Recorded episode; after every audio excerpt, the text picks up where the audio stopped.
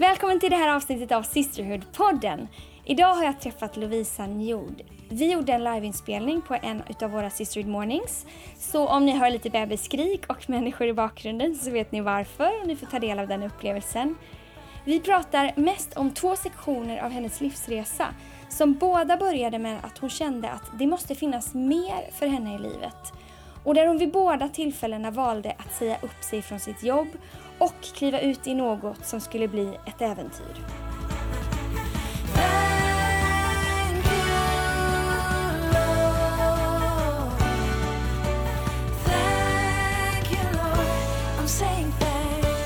Välkommen då Lovisa till Sisterhood-podden. Tack Lina! Var drog du ditt första andetag? Det gjorde jag i, på Huddinge sjukhus här i Stockholm. Har du vuxit upp i Stockholm? Ja, det har jag gjort. Alltid. Eh, när du var liten då, vad ville du bli när du blev stor? Vet du att jag ville bli golfproffs när jag var barn. Har du spelat golf? Ja, men alltså jag växte upp på en golfbana så från att jag var sex år började jag spela golf. Ja, och sen så la jag ju ner det. Eh, och det brukar min pappa säga än idag. Du hade blivit riktigt bra om du hade fortsatt. Jag undrar om du full, fullföljde, skulle fullfölja hans dröm? Ja, det var det det, är som rätt, frågan. vanligt bland föräldrar. Men man, förutom det faktiskt så, um, ända från att jag, jag vet inte, 9-10 år och vi kollade på um, så här, Rädda Barnen-gala eller Världens barn, ni vet, på TV. Så sa jag faktiskt till min mamma någon gång, när jag blir stor, då vill jag åka till Indien och jobba med barn. oh, wow. Om du var ett musikstycke, hur skulle det låta då?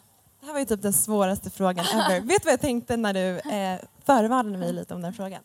Du, du, du, du, du, du, du. Och då tänkte jag så här, vad är det här? Jag bara, äh, visst är det Beethoven? Så jag gick direkt till Spotify.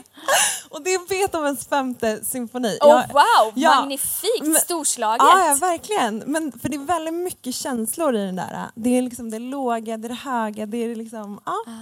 Men eh, den första CD-skivan du ägde, för jag antar att det inte var en LP-skiva? Nej, så gammal är jag inte jag heller. Vad var det? Var det Beethoven? Nej, kunde varit. Nej, vet du vad det var? Det var Lilla Sjöjungfrun. Alltså liksom soundtracket till Disney-filmen Lilla Sjöjungfrun. Ah, Underbart, Yes. den kan jag också. Okej, beskriv dig själv med tre ord. Ja, tre ord. Nej, men jag är ju passionerad, driven och helhjärtad. Vilka bra ord. När lärde du känna Jesus och hur gick det till? Ja, ehm, jag är ju inte uppvuxen i ett, ett kristet hem, eh, men jag, ändå som barn så hade jag ändå någon slags så här känsla eller liksom på insidan, det måste finnas en gud. Så jag växte upp med den tanken och när det var dags att konfirmera sig i Svenska kyrkan och sådär så gjorde jag det. Så för mig var det aldrig svårt att tro på att det faktiskt finns en gud, men eh, att vi kunde ha en relation med Gud, det var ju helt nytt för mig. Så um, det är ju en, väldigt lång story men ehm, jag fick faktiskt ett lovsångsalbum ungefär när jag var 20 år. Och vid den här tiden var jag en ganska mess. Eh, stökigt, mycket stökigt i mitt liv. Eh, och jag började lyssna på den här lovsången och det blev liksom liv för min själ. Och jag fattade inte, det var en Hillsong lovsångsalbum, jag trodde det var ett band. Eh, och sen så när jag var ja, 22 år så bestämde jag mig att säga upp mig och åka ut och backpacka med min bästa vän Carolina. Eh, och den resan var super... Eh, ja, men det öppnade upp någonting för mig. Dels för att jag kunde se det livet som hon levde. Eh, och jag kom liksom till en punkt eh, när jag efter den här backpackingresan skulle åka till Australien och plugga engelska. Och då så satt jag på planet på väg dit och skrev liksom massa mål i mitt anteckningsblock. Jag har ofta haft mål, så här årsmål och allt. Det här var i januari. Och så när jag hade gjort det så tänkte jag nej, det här är liksom inte värt någonting. Så jag bara strök allt det där och bara Gud, om du verkligen finns, då får du visa dig för mig.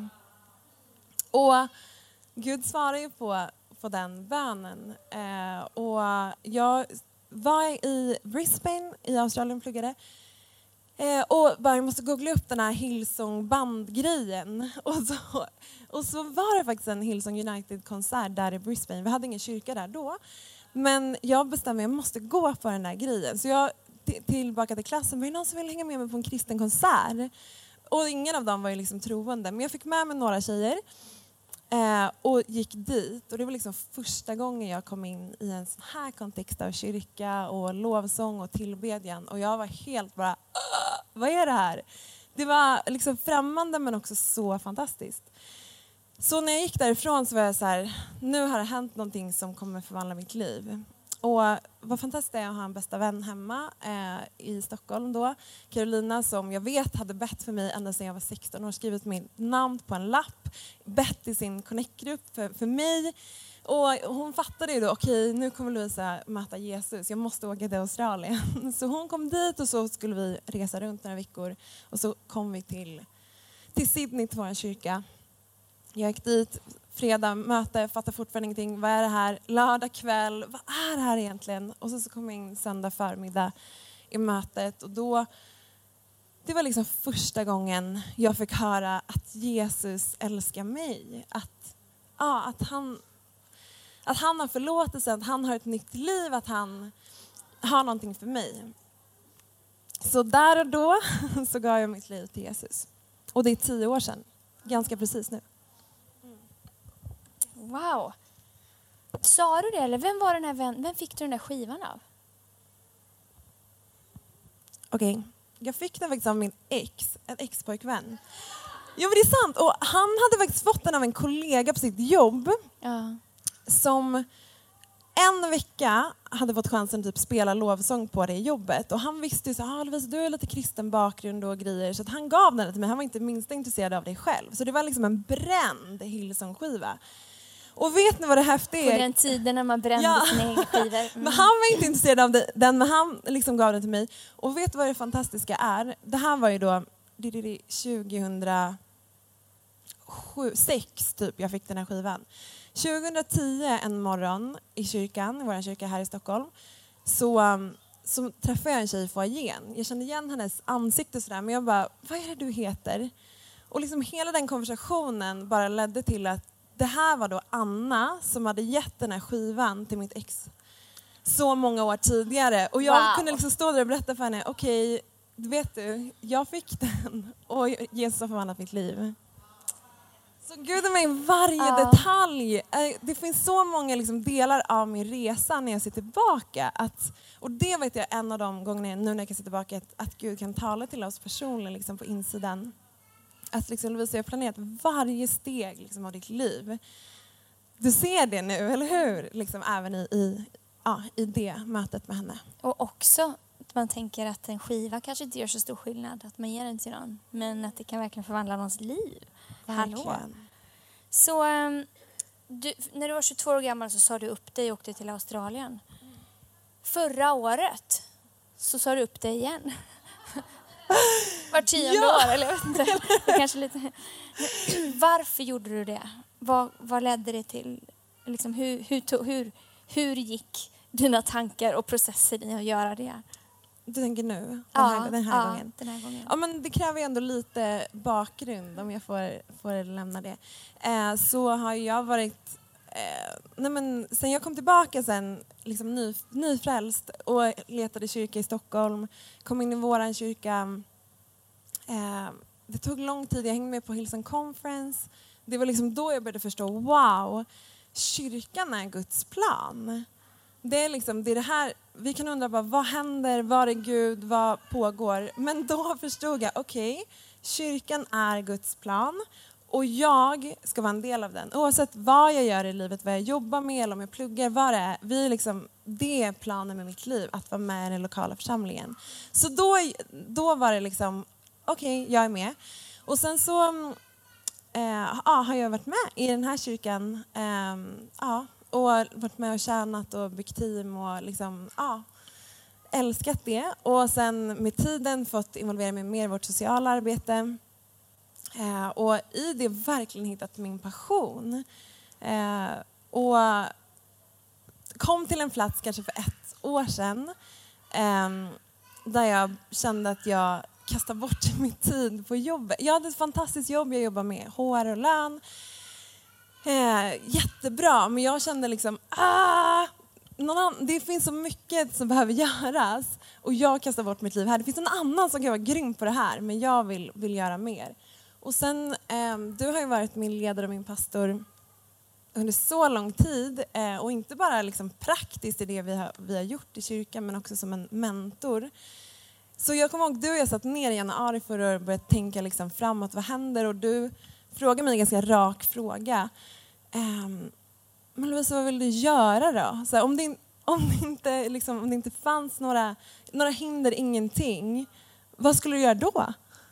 Och jag bara, vet du, då ska jag säga upp mig och bara åka ut i världen och jobba mot trafficking. Och då sa du till mig så här, men gör det då. Lovisa, vi välsignar dig, gör det då. Om det är vad du vill göra, gör det då.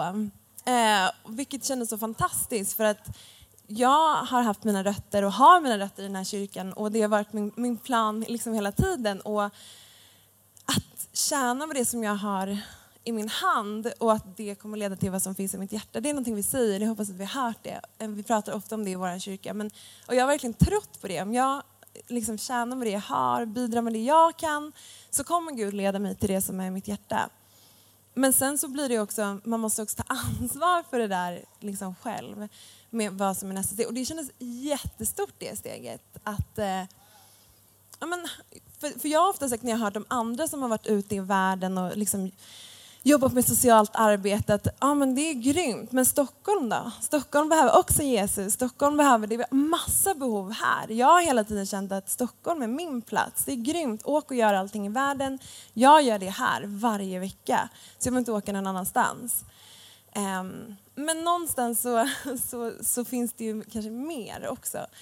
Um, och, och, också en annan definierande eh, eh faktiskt konversation den veckan, ungefär samtidigt som, som du och jag började prata om det här, så, så hade jag en, en lunch med en, en, en, kontakt via jobbet kan man säga. Ehm, och så, hon visste mycket att jag var involverad här i vårt sociala arbete och liksom vad vi har gjort med Walk for Freedom och andra saker. Det är ofta sånt som jag pratar om med människor som jag möter. Och, och hon var jättenyfiken på det där. Och så frågade hon mig så här, Lovisa, jag måste bara fråga en grej har du 30-årskris? Och jag bara, vad menar du? Hon, och så hon bara, men jag kommer precis hur det var när jag var i din ålder, för hon kanske är 10 år äldre än mig. Och alla som sitter och funderar nu då på hur gammal jag är så jag är 32 år, så behöver inte fundera på det längre. Jag hade funderat. Eh, ja, och så, då säger hon, jag kommer ihåg hur, hur det var för mig. Och nu, alla dina kompisar, alla dina kompisar gifter sig nu, alla dina kompisar skaffar barn, allt det här pågår just nu och du undrar typ vad händer? Och jag tänkte, ja, ah, jo men till viss del är det sant. Hon var fast det finns så mycket mer för dig Lovisa, hela världen, hela världen framför dig och tänk hur mycket stories du kommer ha och berätta för dina barn. Och liksom, du kommer kunna med dig så mycket, det finns inte bara en ordning. Och det var så skönt att bara höra någon annan också liksom bekräfta saker som pågick i mitt liv. Så det blev också så definierande att ah, men, ah, jag måste våga testa. Men eh, jag vet ju... Um, vi, har, vi, hade fler, vi, har, vi har träffats och fikat och pratat och, och sådär. Så första steget för dig var ju att du började jobba bara 80 procent på jobbet. Var liksom ledig en dag i veckan och jobbade med sociala arbetet i vår kyrka, volontärt. Liksom för att bara se, ja, vad ska jag göra? Hur, hur blir det här? Eh, och så vet jag att ditt hjärta för eh, liksom de som är utsätts för människohandel väcktes. Eh, och liksom att ditt hjärta började brinna för det. Så efter de här definierande samtalen då, tänkte du så här, nu åker jag ut till Grekland och hjälper traffickade tjejer? Eller hur, hur tänkte du? Um, men det var väl egentligen mitt första, min första tanke. Så här, vad, jag älskar att vi som kyrka har stöttat A21 um, ehm, under många, många år och jag har sett liksom det fantastiska arbetet då kunna jämföra med andra organisationer. Så då var det egentligen första tanken, okej, okay, jag ansöker att vara intern och åker. Men sen så när jag bara stannade upp lite grann så var jag, nej gud, nu nu tänker jag vänta på vad du vill att jag ska göra. Liksom, är det här bara min dröm eller är det här vad du vill att jag ska göra? Så jag fortsatte med det vi gjorde, fortsatte liksom tjäna, fortsatte, livet i Stockholm fortsatte. Liksom. Eh, och sen eh, har jag också haft förmånen att um, vara med i vårt Shine-team eh, och göra den kursen. Så Shine är en kurs som eh, handlar om att hitta sitt värde, sin inre styrka och mening med livet. Typ. Precis.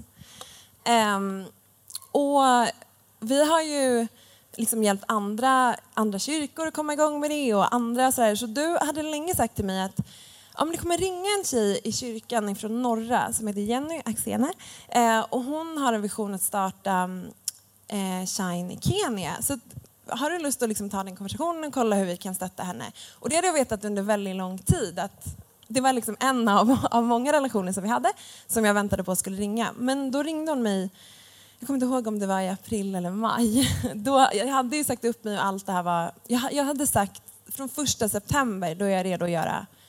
Eh, då går jag dit du vill att jag ska gå. Eh, och så, hade, du, hade du någon plan då?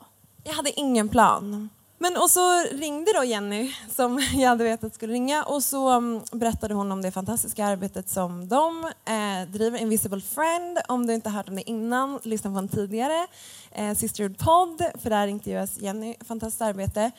Eh, och så förklarar hon liksom deras vision om att de skulle göra Shine i Kenya. Och då tänkte jag, okej, okay, eh, när ska vi träffas här då så att vi kan sätta shine i händerna på er? Men den konversationen slutade med att Jenny säger så här, men Lovisa varför åker inte du med oss till Kenya i september? Uh -huh. Och då kände jag bara, uh, liksom hur det högg till i hjärtat och bara, va? Va? Är det här jag ska göra? Um, men också en dialog med, med dig och ja, när jag fick, fick förstå liksom visionen som Jenny hade med att bygga, bygga ett lokalt team där nere. Att vi kommer som ett svenskt team, ett gäng här från, många från kyrkan uh, och kommer träna lokalkyrka och om det finns någonting som kommer vara långsiktigt. Och då tänkte jag bara okej, okay, jag gör det. Och det var först sagt från september, men sen när liksom sommaren kom så blev det, ah, men det måste bli slutet av oktober. Så helt plötsligt hade jag, okej, okay, men vad ska jag göra i september? Eh, ja, och fick möjligheten att åka med två veckor till Fiji, eh, Robinson-inspelningen faktiskt. Du kan kolla om jag är med. Jag, jag säger ingenting, men eh, fantastisk resa. Och sen eh, så mm, ja, men bestämde mig för att åka till eh, Sydney. Så det var tredje gången jag åkte tillbaka till Australien och tänkte bara, men vad är den bästa platsen liksom förbereda den här säsongen? Vad jag nu ska kliva in i har fortfarande ingen riktig aning. Men jag åker till Sydney. Så du hade ingen plan egentligen? Du, bestämde, du kände så här, jag måste göra någonting. Dels för att jag vet att du själv inte trivdes i den situationen som var. Och sen att du bara måste göra någonting. Så det var som ett jag tänker liksom att det blir nästan som ett tomt pussel. Så bara lades bit, pusselbiten av Shine i Kenya på. Och sen så, okej, okay, Fiji, en liten härlig pusselbit. Uh, och sen pusselbiten av åka till Sydney och vara med i Walk for Freedom där. Visste du sen vad du skulle göra? Eller var det mycket av det här pusslet som var tomt fortfarande? Ja. Och hur reagerade du på det? För du skulle säga, ah, jag visste inte riktigt, men jag lyssnade in Gud. Och sen gav han mig nästa pusselbit. Var du så lugn? Både, både ja och nej. Alltså livet här i Stockholm, det vet vi ju alla, det pågår ju liksom som det gör. Så jag bara bestämde mig den liksom processen. Jag fortsätter med allting jag har gjort. Jag fortsätter bygga kyrkan, jag fortsätter komma varje söndag, jag fortsätter komma till min connect, jag fortsätter liksom jag fortsätter göra det jag alltid har gjort. Och alla de här relationerna och de dörrarna som öppnas, det kommer ju från relationer utifrån det här huset. Så det var inte det att jag bara, nu checkar jag ut allting i Stockholm och åker och gör någonting annat. Utan jag kände att mina rötter har varit här. Du har varit mitt ledarskap, alltså hela, hela vägen. Men så hela tiden i Sydney, om jag ska vara helt ärlig, var väldigt det liksom som Gud gjorde på insidan av mig var liksom Be still and know that I am God. Alltså det var liksom hela den processen för mig var, dagligen. Och liksom det var också någonting som Bobby predikade om på Sisterhood Morning. Så jag bara förstod, okej, okay, jag har aldrig gjort det här förut, väntat på det här sättet, men jag gör det. Men samtidigt så, så, som jag nämnde innan, det jag har sett av 811s arbete och så, jag skickade liksom ändå mejl och hej, jag, nu har jag liksom en säsong här när jag har möjlighet att vara volontär. Finns det någonstans jag kan hjälpa till? Så från Perth då, Walk for Freedom, 14 oktober, så var det raka vägen in i Kenya. Vi hade teamet från Stockholm, vi var tio dagar tror jag. Och sen var jag kvar fyra veckor till då för att träna upp det lokala teamet och så här. Och sen så um, eh, har ju min mamma faktiskt ett hus i Thailand som vi har åkt till nästan varje år. Så då, eftersom jag inte hade så mycket bestämt så var jag så här, vad ska jag göra efter Kenya? Jag vet ju inte. Jag bokar bara en flygbiljett till Bangkok och sen så möter upp mamma där så har jag, jag har någonstans att vara i alla fall. Eh, ja, men och då, liksom längst den här perioden, jag tror det var när jag var i, i Kenya faktiskt, så um, fick jag frågan om jag ville komma till eh, 811 kontor i Thailand, i Bangkok eh, och ja, komma och vara full, fulltidsvolontär, intern med dem. Så det bara också, ah, ja, det gör jag. Eh, och det var egentligen också ett förstahandsval om jag hade fått tänka eftersom jag varit så mycket i Thailand fortfarande kommer åka mycket till Thailand. Det, om man känner till mycket om människohandel så är ju det väldigt påtagligt där. Och jag kände också att ah, här är vi liksom massa svenskar och bara njuter av det här semesterparadiset och det finns liksom en baksida av det som jag känner, nej, vi måste ta ansvar för det här. Jag tror att jag kan vara med och ta ansvar för det som pågår i Thailand. Och det bästa sättet är ju inte att jag bara springer och gör det själv utan att jag liksom pluggar in med någon som redan gör någonting. Så hur länge var du i Thailand? Nästan sex månader. Precis. Vad ska du göra nu då? Jag har fått faktiskt en anställning på A21 kontor i Oslo. Ja.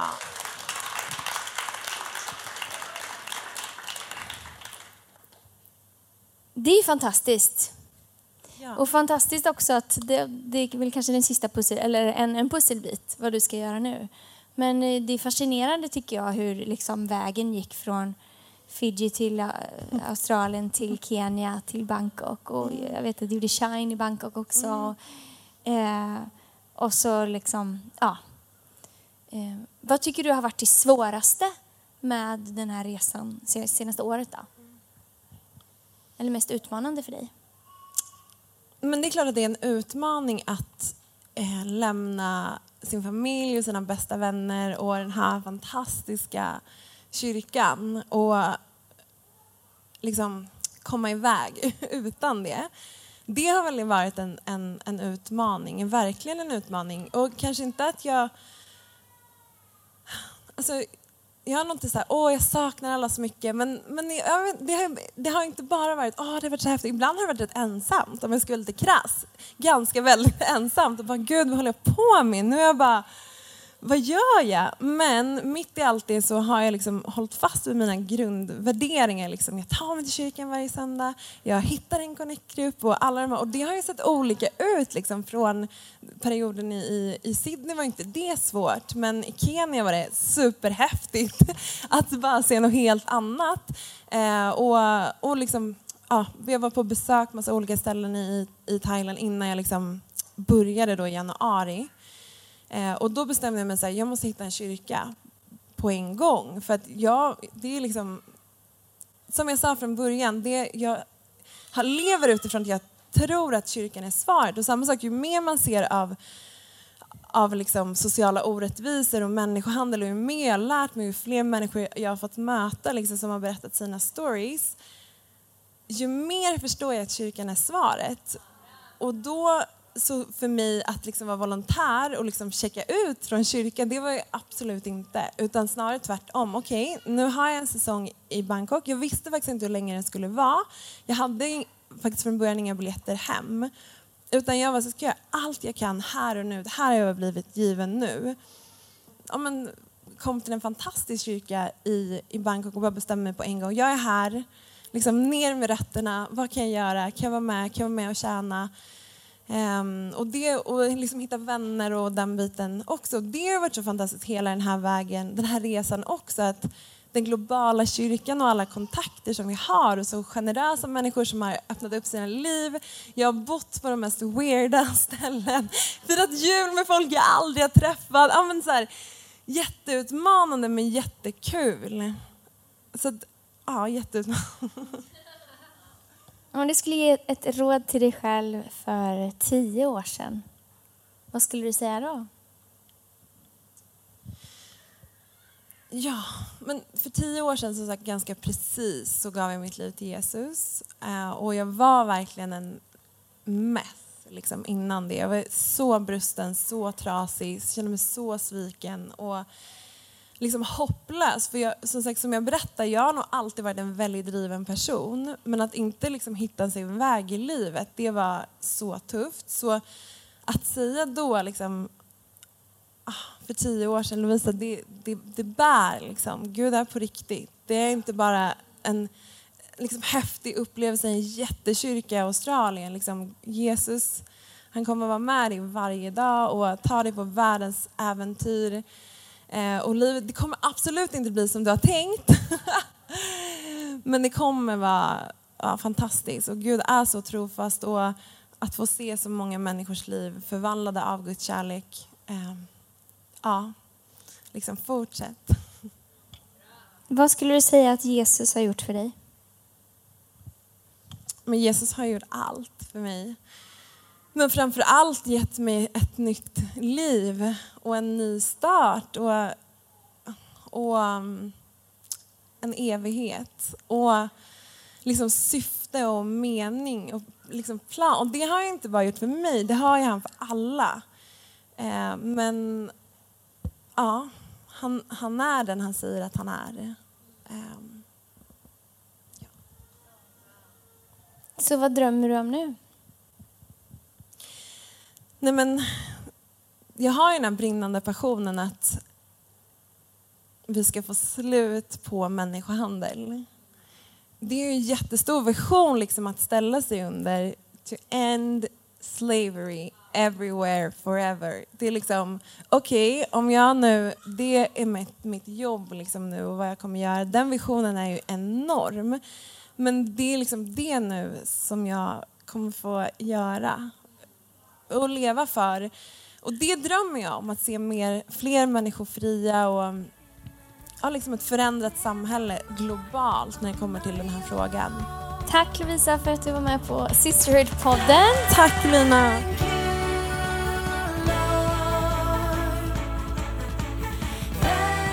Det som är talande med Lovisas berättelse är att det är en ganska krokig resa där Gud har lagt pusselbit för pusselbit. Och så är det så ofta för oss alla. Jag känner verkligen igen mig i det. Vi ser inte alltid nästa steg och ibland verkar inte allt helt logiskt. Men Gud vet nästa steg. Och utmaningen till oss alla är att lita på honom i det. Något som Lovisa har levt efter och som hennes liv verkligen vittnar tydligt om är också det som står i psalm 92, vers 13-14. De rättfärdiga blomstrar som palmträd, de växer som cederträden på Libanon. De är planterade i Herrens hus, de grönskar i vår Guds förgårdar. Vad betyder det egentligen? Jo, den som är planterad i Guds hus kommer alltid att blomstra.